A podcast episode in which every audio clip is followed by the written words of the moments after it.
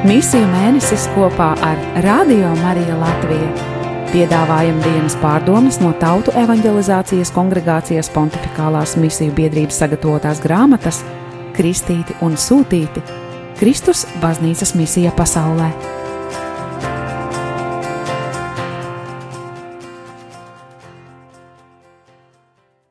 20. oktobris Svētdiena, parastā liturģiskā laika 29. nedēļa. Šodienas lasījumi Izceļošanas grāmata 17. nodaļa no 8. līdz 13. pāntam 121. psalms, 2. vēstule Timotejam, 3. nodaļa, 14. pāns līdz 4. nodaļai, 2. pantām. Lūkasa evanģēlija, 18. nodaļa, no 1. līdz 8. pantam.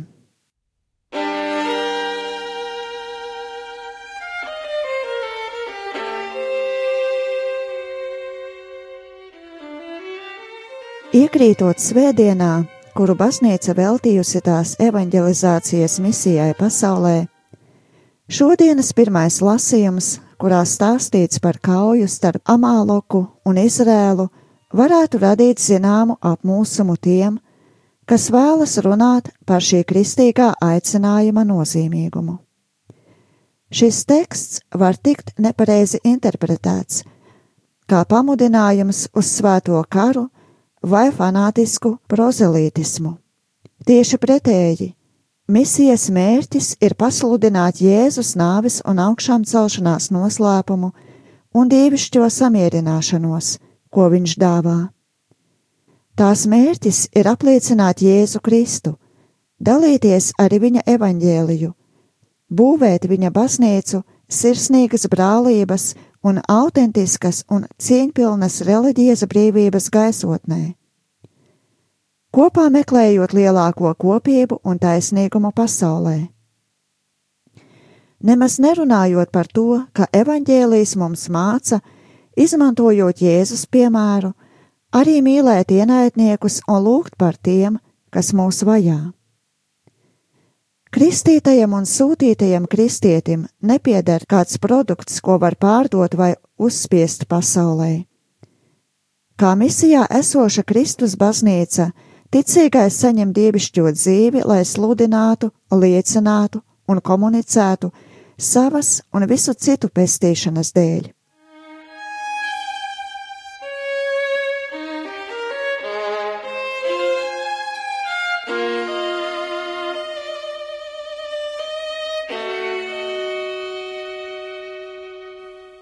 Bībeles teksts no izceļošanas grāmatas 17. nodaļa no 8. līdz 13. pantam piedāvā atmiņas par epizodi, kurā Izrēlam, bēguļojošai tautai, kas meklē vietu, kur apmesties, tiek draudēts ar iznīcināšanu, un tā uzsākt cīņu par izdzīvošanu.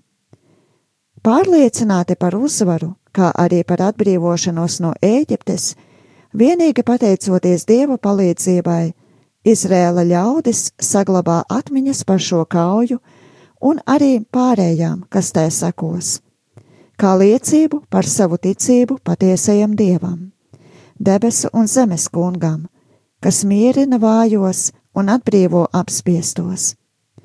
Tā ir slava, ko psalmists ar paļāvību un pateicību izsaka kungam Izrēla aizbildnim. Es paceļu acis pret kalniem, no kurienes nāks man palīdzība? Mana palīdzība nāk no kunga, kurš radījis debesis un zemi. 121. psalms no 1. līdz 2. pantam. Agresijas, naida un atriebības elementiem, kas vēsturiski pavadīja šo vecās derības ticības interpretāciju, gadsimtu gaitā bija pakāpeniski jātiek attīrītiem – un to veica svētie cilvēki, piemēram, pravieši un gudrie, un visbeidzot, Kungs Jēzus, miera un taisnīguma princis, kurš piepildīja gadsimtiem senu pravietojumu, elku un pagānu iznīcināšana ar spēku un vardarbību, Jēzu kļūst par dedzinošu aizraušanos un ugunīgu mīlestību visu cilvēku pestīšanai. Jēzus krusts ir vieta, kur ļaunums tiek uzvarēts, ar tā mīlestību, kurš mirst par mums, kurš mirst mūsu vietā, padarot mūsu nāves pieredzi par savējo. Viņš mirst arī, lai glābtu savus vajātājus un ienaidniekus, Dievs Jēzus Kristus iznīcina visu atriebību, kura trīsvienības kopienā naids un nāve izsauc ar vien lielāku mīlestību un ar vien spēcīgāku žēlsirdību. Dievs ir iznīcinājis mūsu grēkus, netaisnību un nāvi, padarot tos par savējiem, un ir iznīcinājis tos caur savu bezgalīgo mīlestību. Kristus nāve pie krusta ir kulminācija tam, ka Dievs pagriežas pats pret sevi, dodot sevi, lai cilvēku paceltu un izglābtu. Tā ir mīlestība visradikālākajā formā. Lieldienu noslēpumā ir notikusi mūsu atbrīvošanās no ļaunuma un nāves. Tā raksta pāvests Benedikts 16. dokumentā Sacramentum Caritatis 9. nodaļā. Jaunā derība un visi svētie raksti mūs iepazīstina un izglīto par šo dieva glābjošo rīcību pasaulē.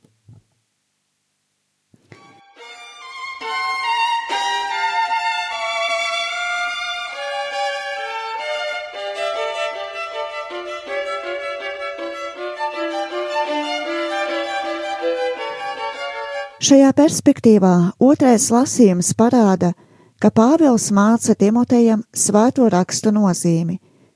Tu jau no agras bērnības pazīsti svētos rakstus, tie dod tev gudrību, lai tu nonāktu pie pestīšanas caur ticību Kristum Jēzum. 2. Timotejam, 3. nodaļa, 15. pāns.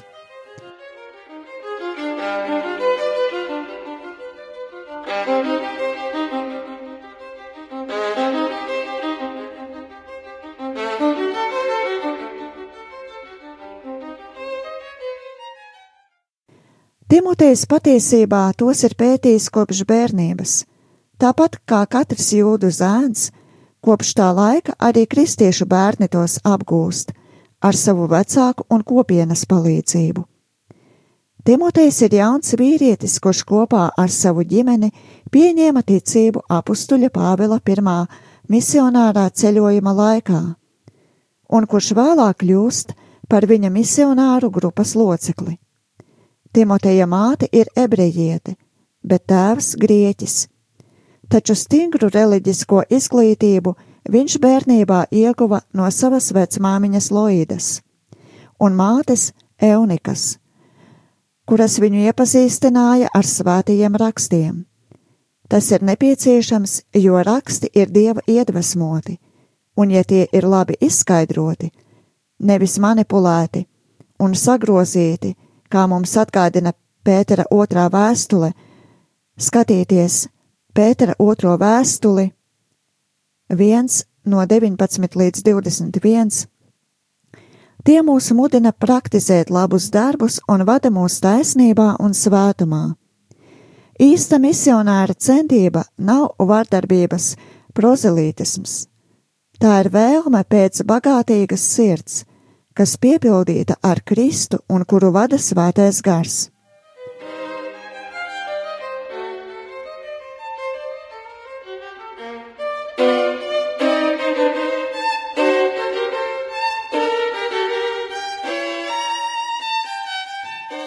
Lai sadarbotos visu cilvēku, visu etnisko grupu laimēji un pestīšanai, daloties ētiskās un kultūras vērtībās, cerībās un priekos, meklējot pilnvērtīgu dzīvi un patiesu mieru, kas ir Jēzus Kristus, kurš nomira un augšām cēlās. Šī iemesla dēļ Pāvils enerģiski mudina Timoteju, lai gaidot kunga otrreizēju atnākšanu, viņš velta savu miesu un dvēseli vārda mācīšanai.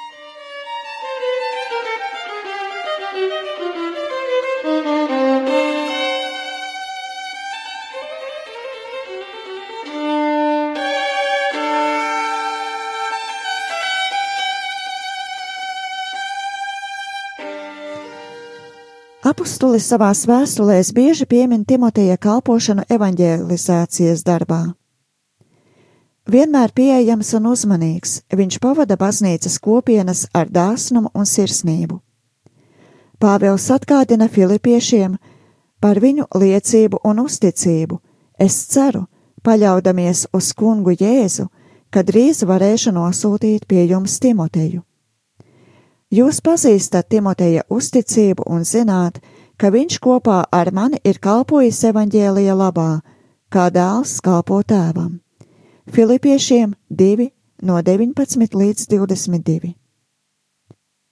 Rakstot Tesalonikiešiem, Pāvils uzsver viņa drosmi un misionāro harizmu. Mēs nolēmām pie jums sūtīt Timoteju, mūsu brāli, un dieva kalpu Kristus evaņģēlijas sludināšanā, lai viņš stiprinātu jūs ticībā un uzmundrinātu tā, ka lai neviens nekļūtu svārstīgs šajās ciešanās. 1. Tesalonikiešiem 3 no 2 līdz 3. Tā Timotejs dodas ar gatavību un uzcītību, lai kalpotu jauni izveidotajām draudzēm, kad vien tām vajag kliedēt šaubas vai rast atbalstu grūtībās. Dieva vārds ir viņa spēks un pavadonis.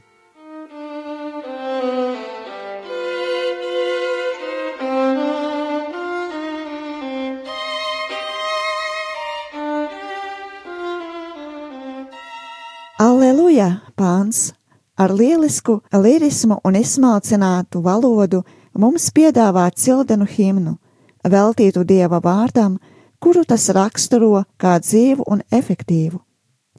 Jo tas iekļūst mūsu sirdsapziņā, tāpat kā apusēja griezīgs zobens.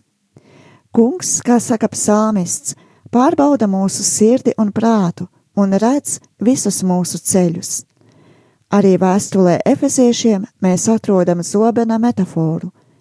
Attiecināts uz garu, zobens atspoguļo dieva vārda intensīvo un caururbijošo spēku. Skatieties Efeziešiem 6.17.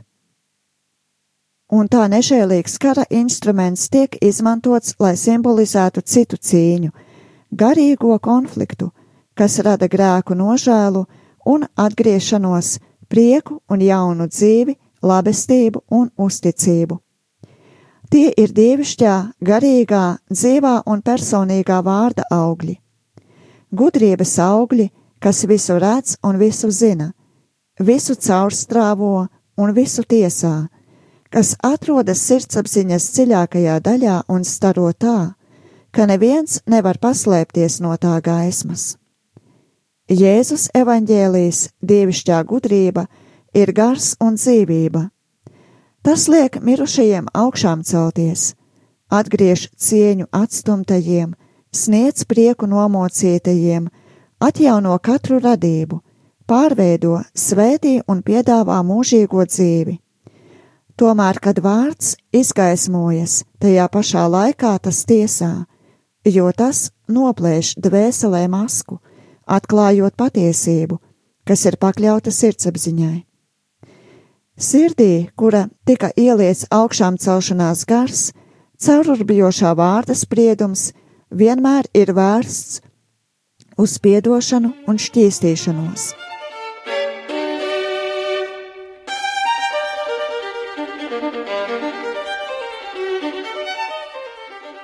Jēzus līdzība šīs svētdienas evaņģēlijā attēlo sievieti, kurai korumpēts tiesnesis bija liedzis tiesības izteikt savu viedokli. Šādu pieredzi šodien izcieš daudzi cilvēki visā pasaulē. Līdzības norises vieta ir kāda pilsēta. Lūkas 18.2. Pilsēta bez nosaukuma, jo šķiet, ka teiktais varētu notikt jebkur. Tiesnesis piemēro to likumu saviem ienaidniekiem, bet saviem draugiem to tikai interpretē.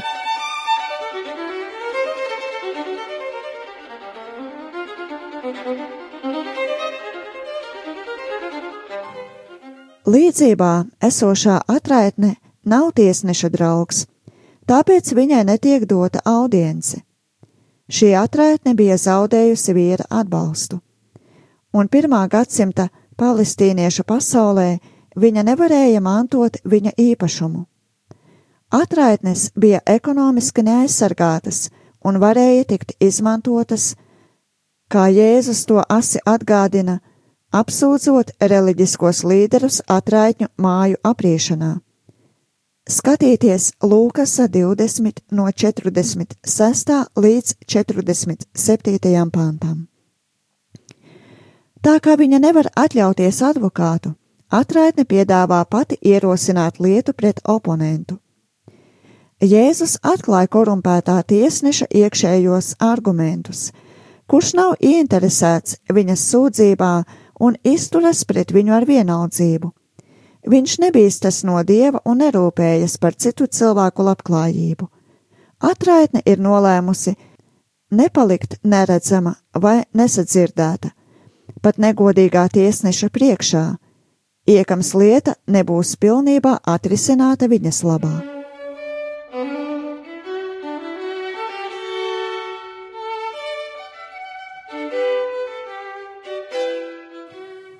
Jēzus izmanto šo līdzību, lai mācītu par steidzamas un pastāvīgas lūkšanas nepieciešamību. Ja lūkšana ir baznīcas misijas sirds, tad tas ir tāpēc, ka šajās personīgajās un ekleziālajās attiecībās ar Dievu, liturģijā, cilvēki un kopienas tiek atjaunoti caur pestīšanu, ko mums piedāvā Jēzus. Šķiet, ka Jēzus jautājums par ticību, kad viņš atgriezīsies Lūkas 18, 8, norāda uz Jēzus pārdomām par efektivitāti misijai, kas vēl tiks veikta, un mācekļu misionāru liecības autentiskumu. Šie mācekļi, kas ar kristību ir iekļauti lieldienu noslēpumā, tiek sūtīti pasaulē kā Kristus baznīca izpirkto kopiena, lai tā būtu valstības sēkla un aizsākums, un lai visa vēsture un visa cilvēce tiktu pārveidota un glābta.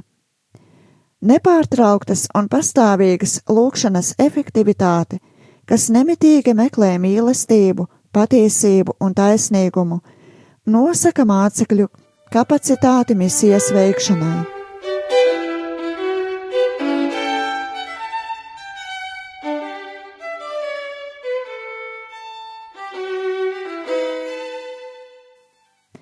Tikai tie, kas neatlaidīgi lūdz un liek Kristu savas dzīves un viņiem uzticētās misijas centrā, pieaug ticībā.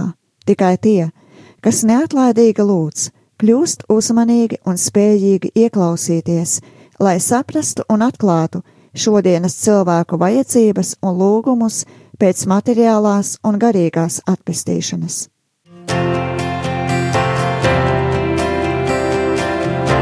Dzirdējāt dienas pārdomas no Tautu evanģelizācijas kongregācijas pontificālās misiju biedrības sagatavotās grāmatas Kristīti un Sūtīti - Kristus baznīcas misija pasaulē.